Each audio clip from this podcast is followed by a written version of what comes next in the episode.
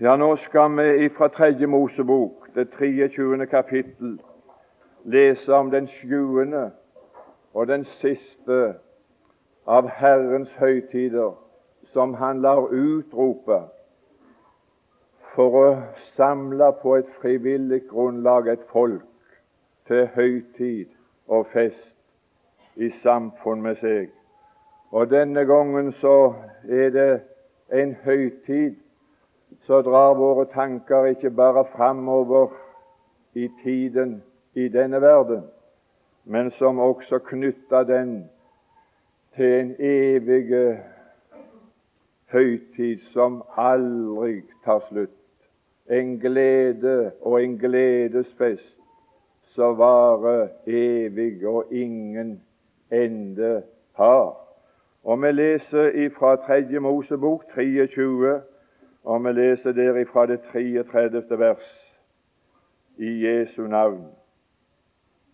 Og Herren talte til Moses og sa:" Tal til Israels barn og si:" På den femtende dag i denne samme syvende måned skal løvsalenes fest holdes for Herren, og den skal vare syv dager.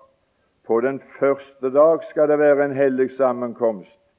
Dere skal ikke gjøre noen arbeidsgjerning. I syv dager skal dere ofre ildoffer til Herren. På den åttende dag skal dere holde en hellig sammenkomst Å ofre ildoffer til Herren. Det er en festsammenkomst. Dere skal ikke gjøre noen arbeidsgjerning. Dette er Herrens høytider. Dem skal dere utrope som hellige sammenkomster, og på dem skal dere ofre Herren ildoffer, brennoffer, matoffer, slaktoffer og drikkoffer hver dag det som hører dagen til. Foruten Herrens sabbater og foruten eders gaver og foruten alle eders lovede offer og foruten alle eders frivillige offer som dere gir Herren. Men på den femtende dag i den syvende måned, når dere innsamler landets grøde, skal dere holde Herrens fest, og den skal vare i syv dager. Den første dag skal være hviledag, og den åttende dag skal være hviledag. Og på den første dag skal dere ta frukter av fagre trær palmegrener og kvister av løvrike trær og siljer som vokser ved bekkene, og dere skal være dere skal være glade for Herrens eder Guds åsyn i syv dager. Denne høytid skal dere holde som en fest for Herren syv dager om året. Det skal være en evig lov for eder, fra slekt til slekt i den syvende måned skal dere holde den. Dere skal bo i løvhytter i syv dager. Alle innfødte i Israel skal bo i løvhytter, for at eders efterkommere skal vite at jeg lot Israels barn bo i løvhytter da jeg førte dem ut av Egyptens land. Jeg er Herren, eders Gud, og Moses kunngjorde Herrens høytider for Israels barn. Fader i Kristus Jesus, vi vil takke for denne nye anledning, denne nye dag, denne nådestund for dine føtter. Og vi vil få lov å be ei enkel, konsentrerte bønn, og vi vil håpe og tro til deg, Jesus at du skal svare vår bønn og oppfylle vår bønn. At det sannhetsord som rekkes, skal kunne nå den enkelte ved din ånd. Amen. Når det gjelder nå når vi har prøvd å bare gå igjennom fra begynnelsen til slutt av disse Herrens syv høytider, så er dette en framstilling av Guds frelse som begynte ved påske. Den frelse som ble oss tilgjengelige ved påske, vårt påskelam Kristus. Og så ender det med denne avslutningen av Guds frelse som kalles løvsalenes høytid.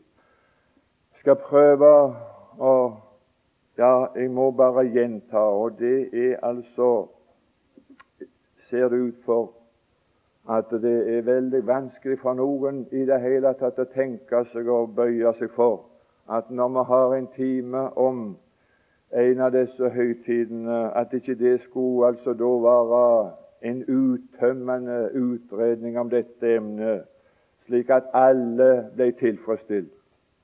Det har jeg ikke forsøkt på, og det kan jeg aldri ta på meg.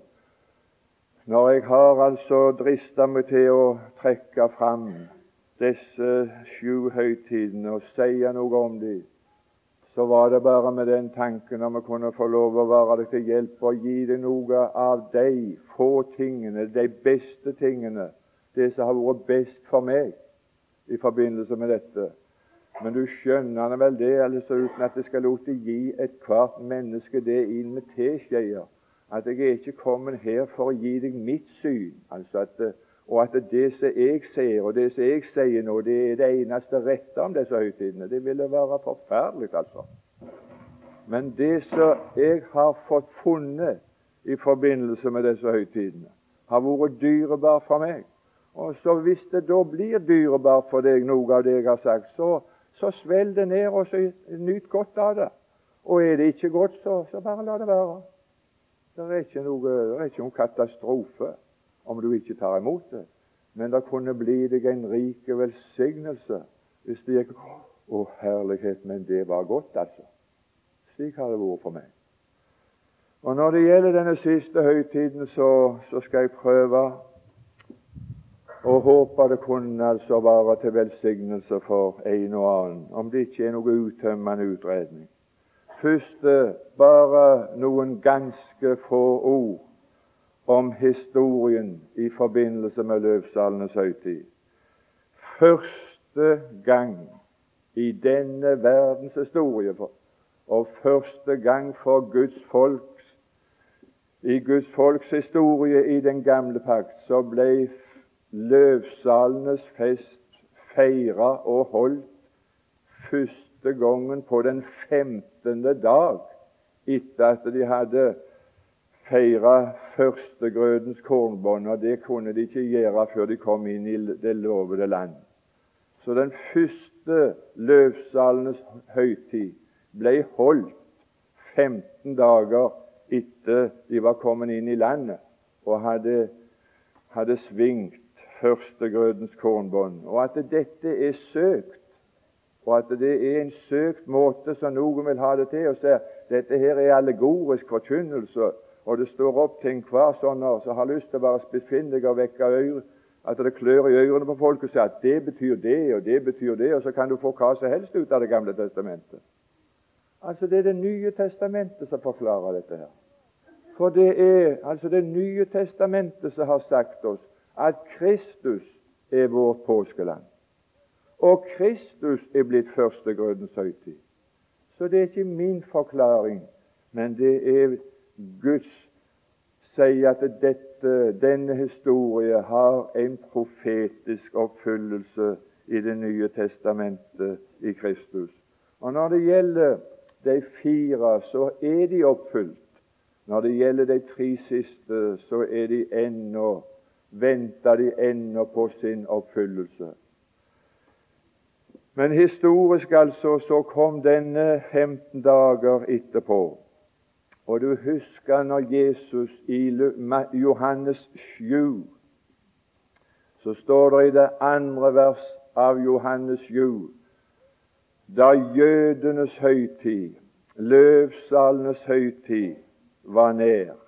Og så står det i det 37. verset, som vi altså bruker kolossalt og har godt bruk for i evangelisk virksomhet. På den siste og den store dag på løvsalenes høytid, Da sto Jesus og ropte. Jeg skal ikke si noe mer om det, men det var løvsalenes høytid var delt i to. Det var sju dager, men det var den åttende dagen som var den siste, og så var den store dag i løvsalenes høytid i, i, i historien. Bare det. Bitte lite grann til om historien. Femte Mosebok. Femte Mosebok 16 og det 16. vers.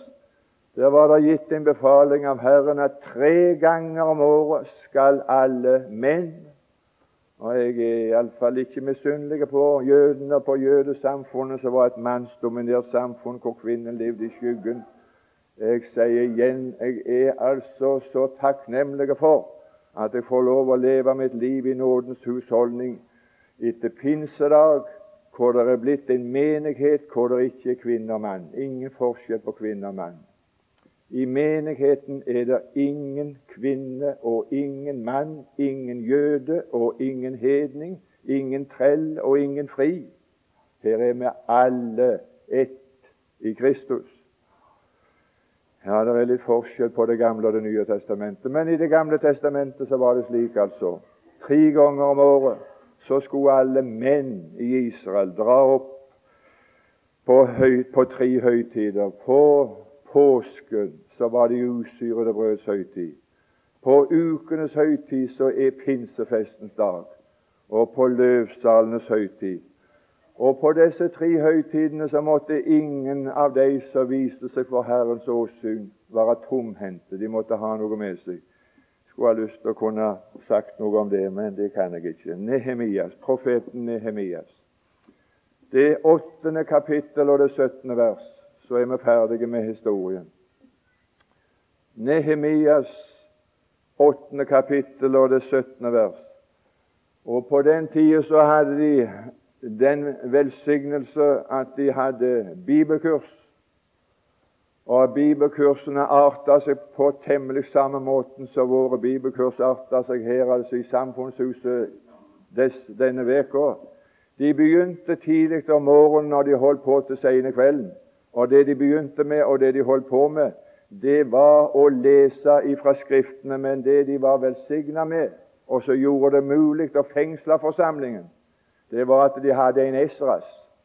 De hadde en Esras som kunne lukke Bibelen opp slik at folket forsto det som ble lest.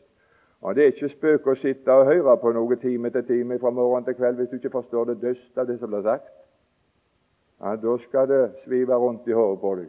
Men jeg skal si det ble bevegelse i denne forsamling når Esras tok ordet og begynte å forkynne og forklare de bibelske skrifter på en sådan måte at folket forsto det. Og resultatet av at de forsto det, da ble de glade, for de skjønte det som ble lest. Det er ikke godt å bli glad ved noe du ikke forstår. altså. Men jeg skal si at her er det noe som kan bringe glede. Å, da dette budskap jeg forsto, i floden sank jeg ned og frelse fant. Så var det en dag eller en time eller klokkeslett. Kan, ingen kan bli glad over noe som har så flyktig levetid. Men som varer Hvor lenge varer det? Som evig varer ved. Ja, ja, fra Josva, sa han, så fant de ut, altså når han leste, fra Josvas dager. Josva så førte de inn i landet. Josva så fikk de til å holde førstegrødens høytid. Josva så fikk de til å holde løvsalenes høytid, hvor de kunne være hjerteglade for Herrens åsyn fra Josvas dager og like til Esras lukte dette opp, så hadde de ikke holdt løvsalens høytid, men så begynte de fra fulle mugger igjen. Og Jeg skulle ønske til deg om det skulle ha vært en sånn down-periode i ditt liv, ifra Jesus sine dager kom inn i ditt liv, og inn til dette bibelkurs, at det ikke har vært noe som heter løvsalens høytid for deg å holde. Så skulle jeg ønske det at ifra nå av å, nå, nå, nå, nå, har jeg skjønt det stykket av Skriften som Esras lukka opp, så nå kan jeg òg være glad med tanke på den kommende framtid. Ja, det er det som er fest. Det er det som er høytid. Å kunne glede seg også med tanke på framtiden er ikke det som knekker folk. De kan nok klare fortiden, og de kan nok klare nåtiden, men tanke på framtiden, det knekker folk. Historien. Nå vil jeg si noen ord om den profetiske betydning av løvsalmenes høytid. Jeg skal prøve å bare og Jeg måtte mest gjerne ha sagt noe, men det er bare det at da går tida ifra oss. Jeg skulle ha sagt det altså at jeg er ikke her i kraft av at jeg er lærer. Jeg tillater ikke en kvinne å være lærer, så står det. Og så utelukker de kvinnen, men de skal utelukke en Arnold Bjerkreim heller, for det er ikke tillatt for en mann heller å være lærer. Men det er noen lærere som var menn, og de mennene som var lærere, de har Gud gitt profetgaver, evangelistgaver, hurdegaver og lærergaven. Og de hadde vi så lenge inntil, sier Feserbrevet, inntil Jesu Kristi legeme var oppbygget i denne verden. Og ifra Kristi legeme var oppbygd, så har vi bare lemmer som tjener hverandre. Og Det som jeg da kan gjøre, det er ikke å være en lærer for deg, men jeg kan stå her med det kjennskap jeg har til det som disse bibelske menn har lært oss i Bibelen. Jeg kan gjøre deg kjent med den bibelske lære, og det kan hvem som helst. Kvinne og mann kan stige fram i hvilken som helst slags forsamling og lukke Bibelen opp, og har du lys over det du leser, så kan du dele det lyset med god og fri samvittighet. Den ene skulle oppbygge den andre. Nå har jeg sagt det en gang til. Profetiske betydning. Og da vil jeg si det altså først av alt at de sju dagene vil få sin profetiske oppfyllelse i tusenårsriket. Den åttende, den siste, den store dag i løvsalenes høytid, det er forlengelsen av tusenårsriket. Det er når vi går inn i den evige herlighet. Men det er forferdelig liten forskjell på tusenårsrikets tilstander og den evige tilstand. Derfor er altså tusenårsriket og den evige tilstand knytta sammen i løvsalenes høytid. Perioden av de sju første dagene finner du i tusenårsriket. Den åttende, den siste, den store dag i høytiden. Det er når jord og himmel forgår, og må oppleve å begynne på en kommende evighet som ingen ende har. Herlig land, altså, hvor jeg er interessert i å gjøre meg kjent med den kommende høytid som Herren kaller alt sitt folk til. Det første som nå Jeg har bare noen enkle punkter som jeg har altså notert meg. Det er ikke en utredning om dette på noen vis. Men du kan vel ha godt av lite grann. Det var en som sa Å, du verden. Det var en som sa altså at Og det er en mentalitet altså vi har her i Norge. Er det sånt altså at jeg må, at jeg må altså forlate alt hvis jeg skal altså tjene Jesus? Og langt ifra seg, altså. Ikke, det er ikke nødvendig. Du kan få lov å tjene Jesus lite grann. Altså Her i Norge så er det enten alt eller ingenting. Sånn skippermentalitet. Kunne vi ikke altså gjøre litt, og så gjerne litt mer? Det er altså en velsignelse i det ordet. For det er forskjellige oversettelser, og somme tider er den ene like rett som den andre, men han er litt utfyllende. Vi har et ord av Jesus som sier det er saligere å gi enn å ta. Og så er det en som oversetter det slik det er saligere å gi enn å beholde alt for seg selv. Vi kan, kan, vel altså, vi kan vel altså kunne ha den glede. Om vi ikke gir alt, så kan vi vel gi litt. Ikke beholde alt for oss sjøl.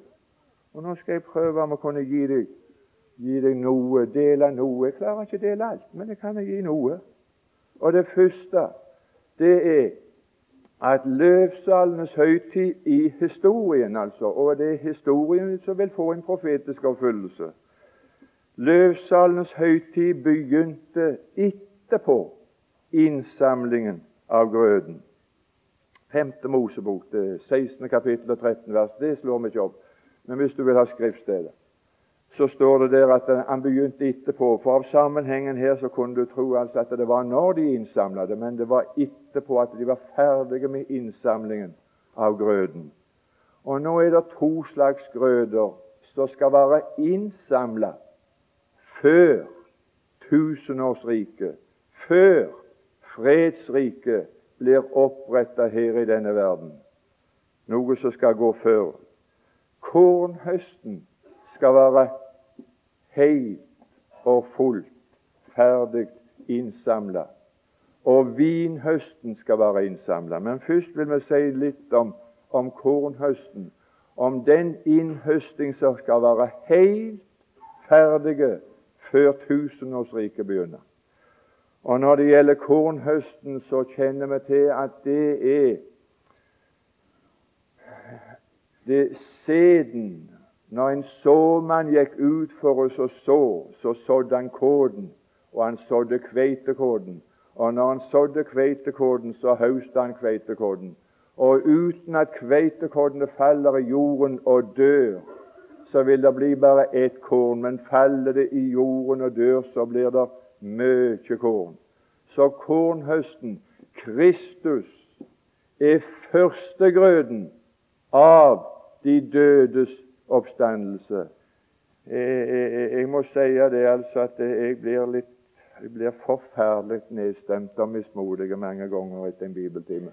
Når han har forsøkt å arbeide et helt år og gjerne gått igjennom hundre ganger minst hver av timene for å gjøre han altså tilgjengelig for hvem som helst slags tilhører.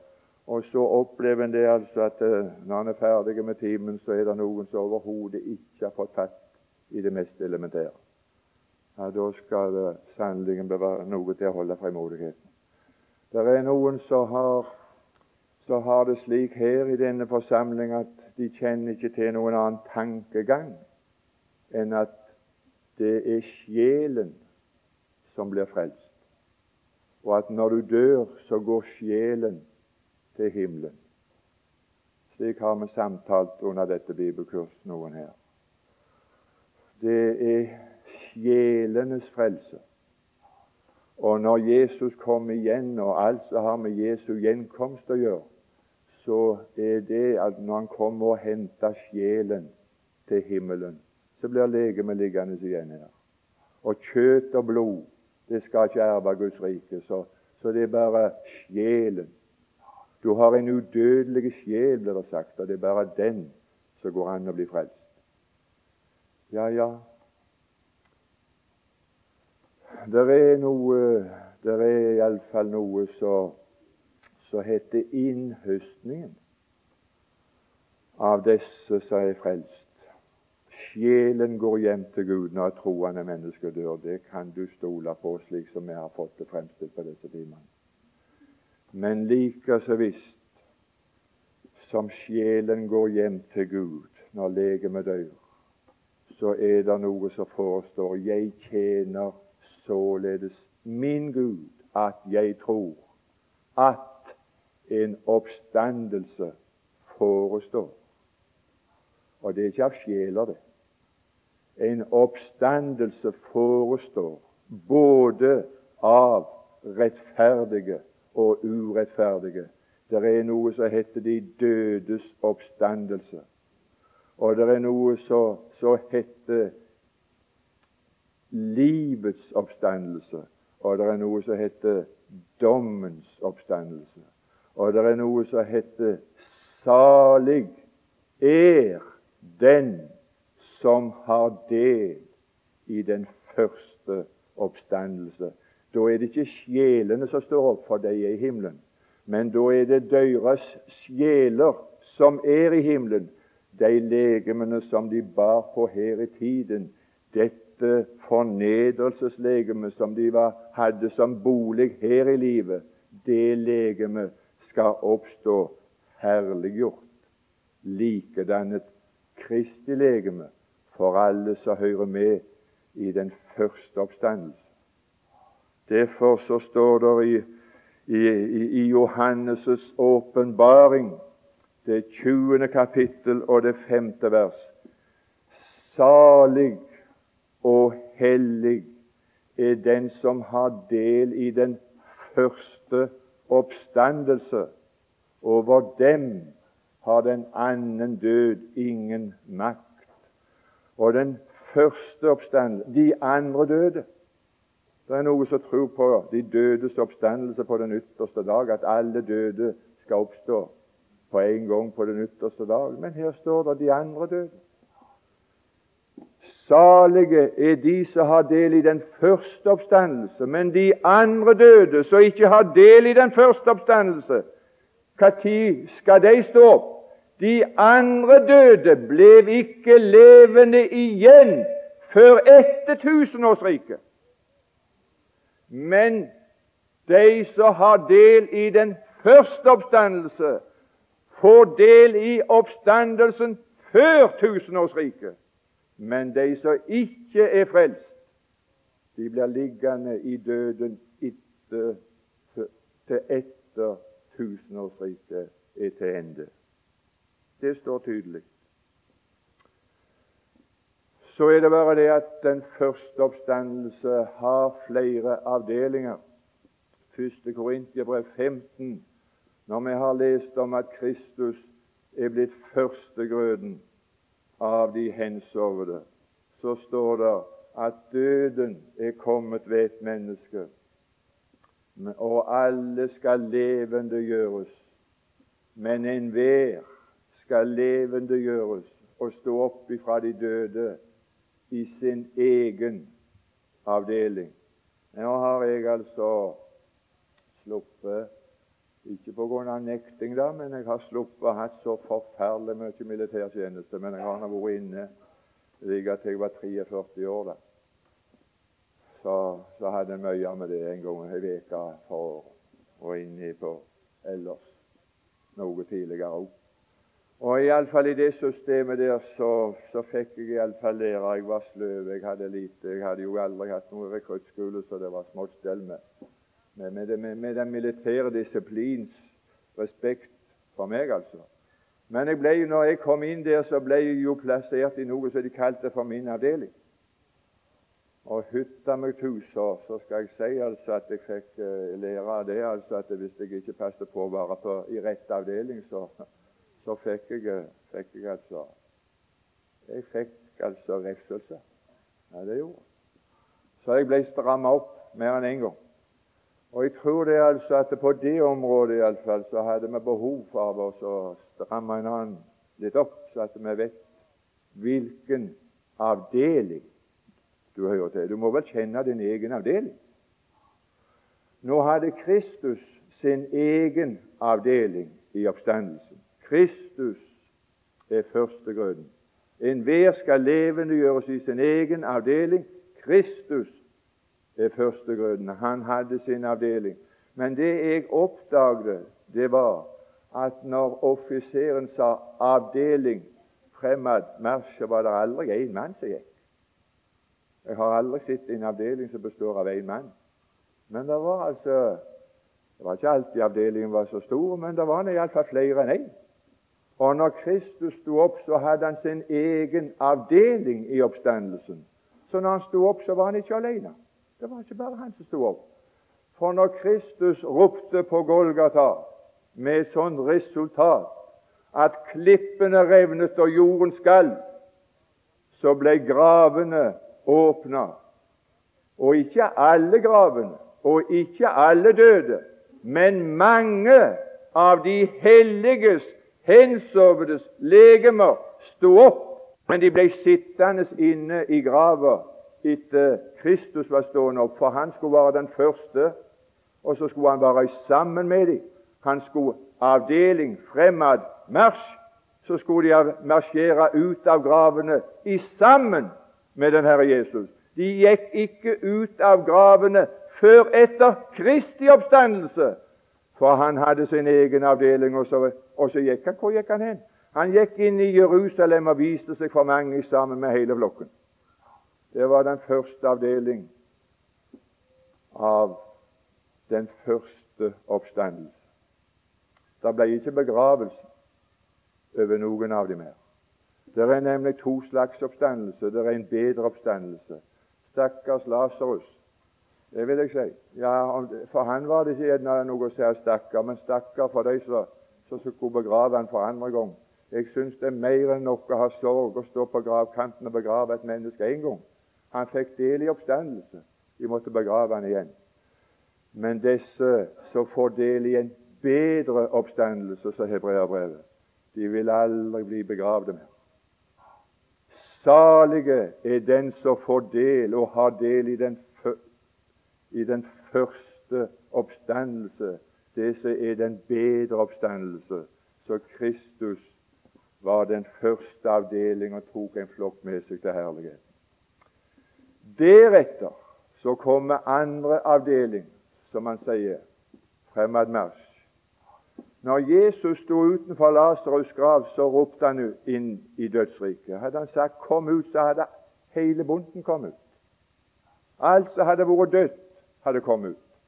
Men nå var det bare én mann han denne dagen sa. Det var Lasarus kom ut. Så kom han ut. Denne dagen når basunen skal lyde, når Kristus skal blåse i Guds basun, så skal de døde i Kristus høre. Og bare de skal stå opp. Deretter skal de som hører Kristus til, levendegjøres ved Hans komme. Det er andre avdeling i den første oppstandelse. Det er det vi venter på skal skje. De døde i Kristus vil oppstå ved bortrykkelsens dag, når Jesus kommer igjen. Men det er en tredje avdeling. Vi skal ikke ta så mye tid, for det er ikke der vi kan holde oss. Men det er to personer i åpenbaringen som er benevnt, som får sin egen avdeling. To altså enestående Guds menner i denne verden som ligger død, viser seg å ligge død i trengselsperioden og så får de sin egen avdeling, så blir de bortrykket. En avdeling som består av to personer. Så nærmer det seg så nærmer det seg avslutningsinnhøstningen av, av den første oppstandelse. Just før tusenårsriket blir opprettet, så blir det siste innsamling av kornhøst. Og det er alle alle de som, som led martyrdøden i den store trengsel, alle de som nekta å ta dyrets merke og ble drept for Kristi navns skyld i den store trengsel, disse vil bli levendegjort og stå opp ifra de døde. Og så står det salige og hellige er den som har del i den første oppstandelse. Da er kornhøsten forbi. Da er livets oppstandelse forbi. De andre døde ligger fremdeles i døden og blir liggende ennå i tusen år, men de skal stå opp til dommens oppstandelse, til evig skam og avsky. Kan ikke si mer om det, men det andre jeg vil si, at tusenårsriket opprettes ikke før vinhøsten er forbi.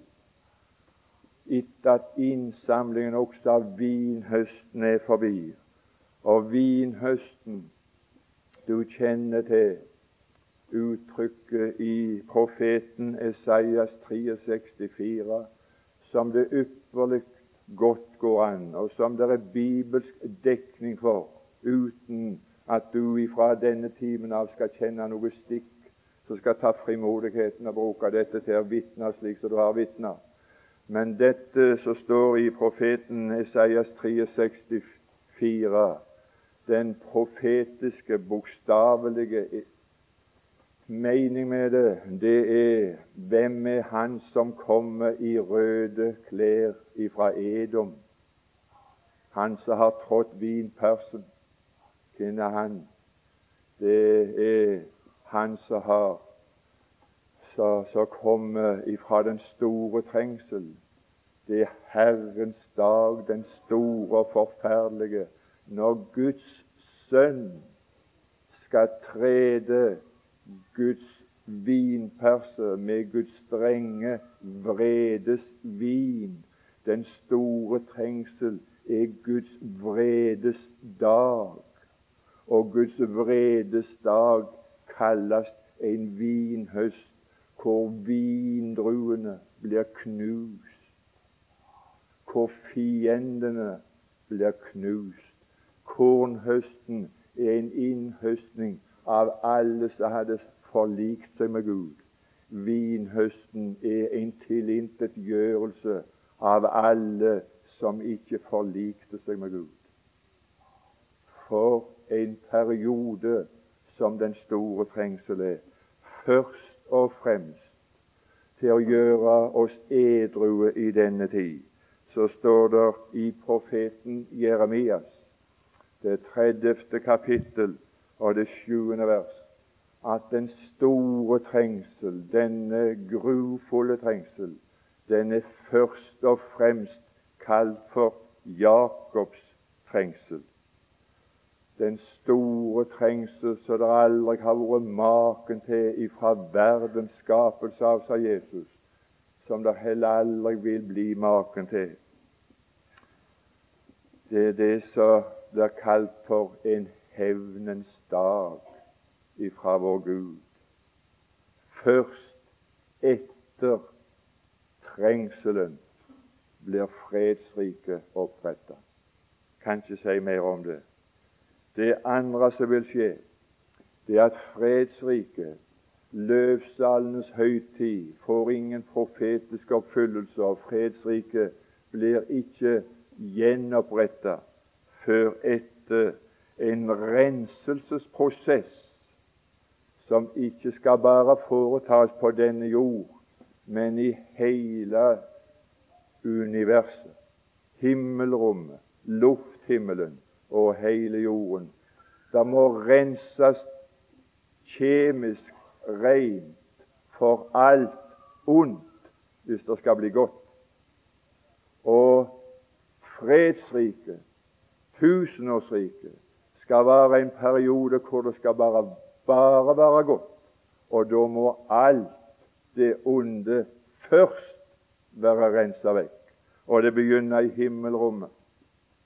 I himmelrommet, ifølge Efeserbrevet, det sjette kapittel nå, og det tolvte vers, så er det ikke Gud som utøver styrelsen.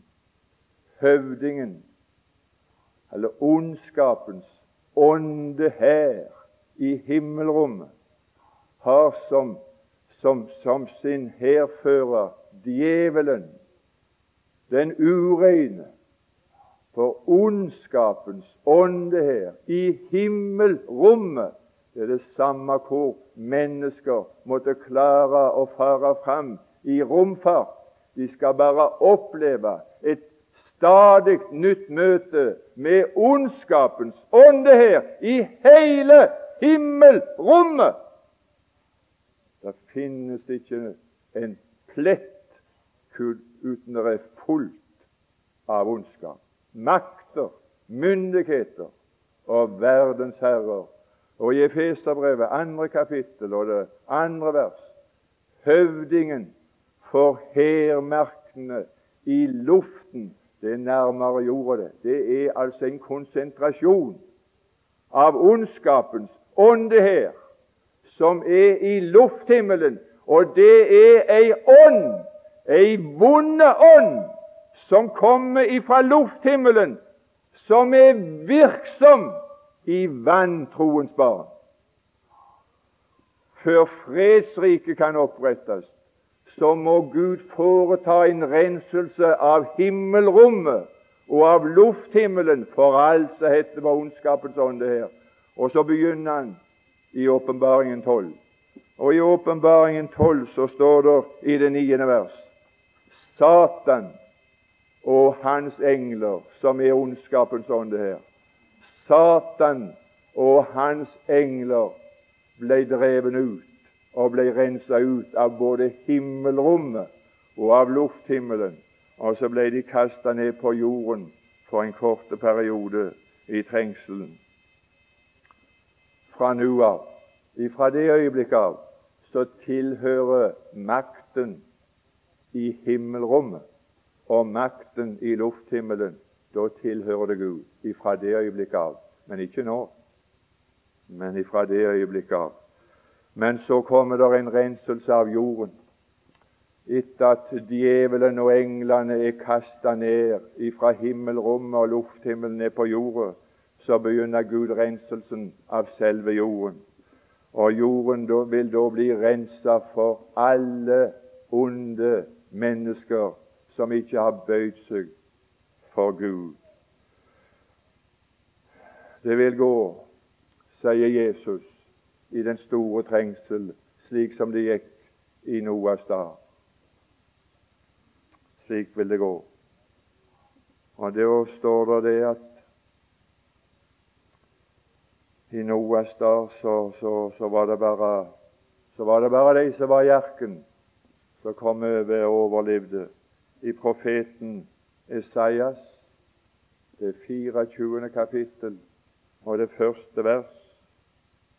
Det er det som menneskene frykter for i dag. Det er derfor det er mennesker i tusentall som mens jeg og du er med på et bibelkurs, så har de altså mobilisert en marsj til fots for av frykt for dette så er de på vei til Moskva i et fortvila forsøk om å unngå at jorden skal bli tømt for mennesker. Men her står det Herren tømmer jorden. Det vil skje i trengselen før tusenårsriket. Herren tømmer jorden, og der blir få mennesker igjen. Det ble få mennesker igjen når Gud tømte jorden i Noas dager. Det vil bli få mennesker igjen når Gud tømmer jorden i den store trengsel.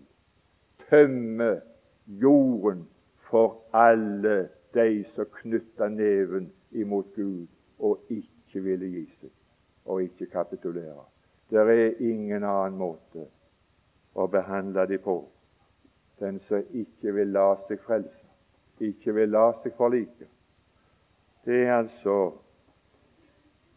en, en bakgrunn som gjør det så vidunderlig for meg. Å, salige og hellige er den som har del i denne avdeling, så blir levendegjort og rykket bort at Herren tar oss hjem før Guds vrede går frem.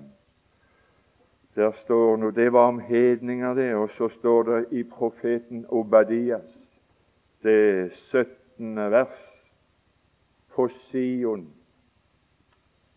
På Sion Nå, så folk regner med at nå er riket for Israel oppretta.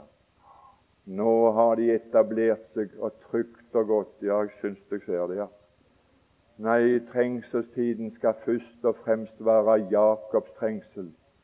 Men så står det på Sion, før fredsriket opprettes, på Sion vil det være en flokk av unnkomne. Det var noen få som unnkom å bli rydda vekk. Og grunnen til at det blir en flokk på Sion, det er at de trengselsdager blir forkorta. Og hadde de ikke blitt forkorta, så hadde ingen overlevd. Men for de utvalgte skyld så skal de dager bli forkorta slik at det skal være en flokk av unnkomne på Sions berg. Og så skal det være noen få mennesker igjen av hedningefolk som skal overleve denne utryddelse av menneskene på jorden. Da opprettes fredsriket. Ja, ja, det er rystende perspektiver den som taler lettsindig om den store trengsel og den kommende vrede. Han taler Han taler altså Jeg vet ikke hva han taler. En tusenårsrike begynner ikke før etter for Noah. Så, begynte, så vil det begynne på samme måten som det begynte for Noah etter vannflommen. Slik vil tusenårsriket begynne. Det, tredje jeg vil nevne, og så, så, så, så klarer vi ikke ta fram så mye mer. Men denne høytid, løvsalenes høytid, den vil begynne efter frigjørelsen av forgjengelighetens trelldom, som Paulus skriver om i Romerbrevet 8 skaperverket som ble underlagt forgjengelighetens trelldom i tusenårsriket, og hele skapningen stunder frem til Guds barns frigjørelse. Og det er denne, dette tusenårsriket, dette fredsriket, som skal oppleves av hele skaperverket. Jeg skal nevne noen få punkter fort. Mineralriket vil bli vil oppleves før tusenårsriket kan opprettes, så vil mineralriket frigjøres ifra de forgjengelighetens trelldom som det ble lagt under. Salme 104 og det 30. vers, der står Jeg gjør jordens skikkelse ny igjen. Og den måten han skal gjøre jordens skikkelse ny igjen. Og det er ikke bare jorden, men det skaper verket, alt det som ble underlagt forgjengelighet. Og så står det i profeten Esaias 30, 26 noe om månen. Og der står det at månens lys i tusenårsriket skal bli akkurat som solens lys. Det blir altså natt. Månelys om natta som er så sterkt som solens lys.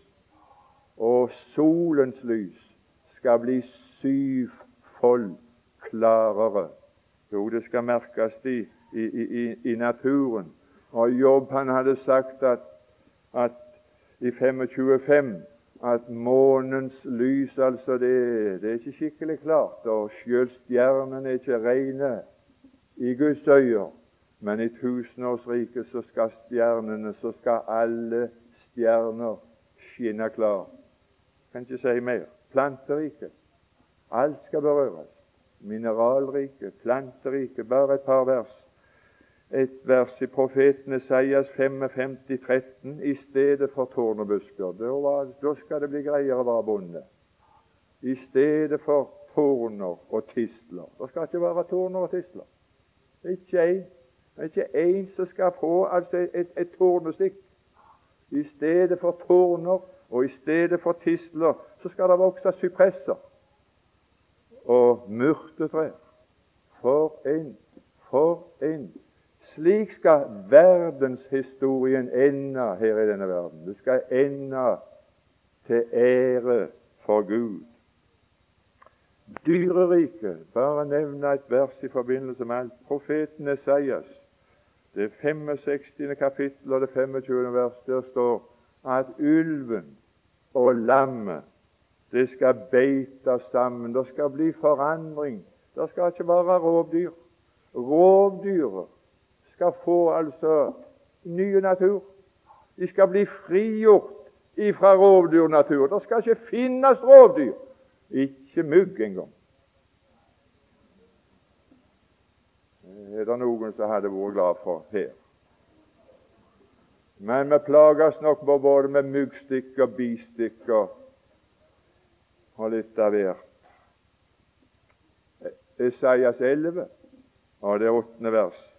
Die barn skal leke ved huggormens hule. Det er ikke noen huggorm som har noen gift i tusenårsriket. De kan bare kose seg med den. Det er ikke bare slangetemmere som kan kose seg med den. De barn skal leke med ormer, for de er ufarlige. Ingen kan gjøre noe vondt i tusenårsriket. For det onde er vekke. Det er frigjort. Det kan ikke være godt. Det kan ikke være bare godt uten det onde vekke. Ingen skal gjøre noe vondt i tusenårsriket. Det er derfor det er fredsriket. Det er løvsalenes høytid. Naturkrefter.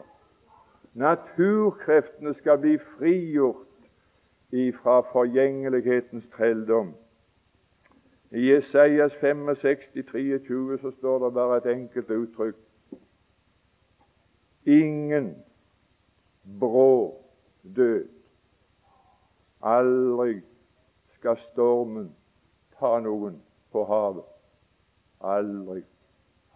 Skal det være vind, så skal det være behagelig vind. Så skal det være slik vind som vi kaller for fønvind. Det skal ikke være muligheter for noen storm å påføre noen en brå død. Naturkreftene blir frigjort ifra den ødeleggende virkning som de har hatt ifra syndefallet. Menneskene, menneskene i sin alminnelighet, altså i sin helhet, Esaias 65 og det 20. vers.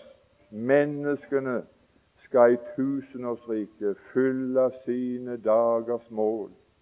Ingen skal mere lære å føre krig. Ingen. Og så skal det ingen sykdom være. Ikke aldeles frie for sykdom, og ikke aldeles fritt for død. Men altså det skal være legedom for all skrøpelighet og all sykdom i tusenårsriket. Sist å bare nevne denne høytid. Da begynner fredsriket. Løvsalenes høytid, du verden. Da begynner det. Og Grunnen til at det begynner, det er at alt det vonde er nå vekke. Alle de ødeleggende krefter er nå vekke. Så kom, og, og høvdingen for ondskapens ånd her, han er vekke. Han er bonden i tusen år i avgrunnen. Og fordi han og alle hans er rydda bort, så kommer fredsfyrsten. Og så kommer han og setter sine føtter på Oljeberget, og så oppretter han ikke bare riket for Israel, men det gjør han. Men når han oppretter riket for Israel, så blir Israel et sånt verdensrike som skal utøve fred og herlighet og glede over hele denne verden. Ifra Sion skal lov utgå. Sion skal bli verdenshovedstaden i tusenårsriket. Og det som er resultatet av det, står i Hebreabrevet, det første kapittel og det sjette vers, at når Gud atter fører sin sønn til verden Ved bortrykkelsen så kom han ikke til verden, da kom han til luften.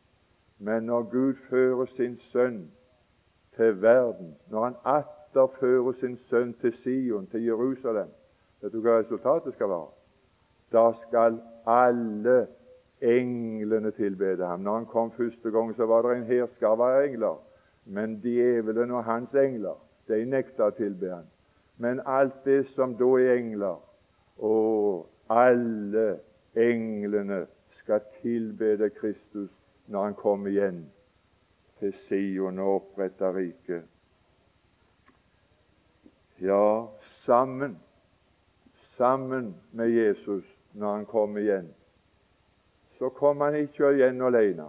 Han kommer alene til luften i bortrykkelsen, og så rykker han alle sine hjem.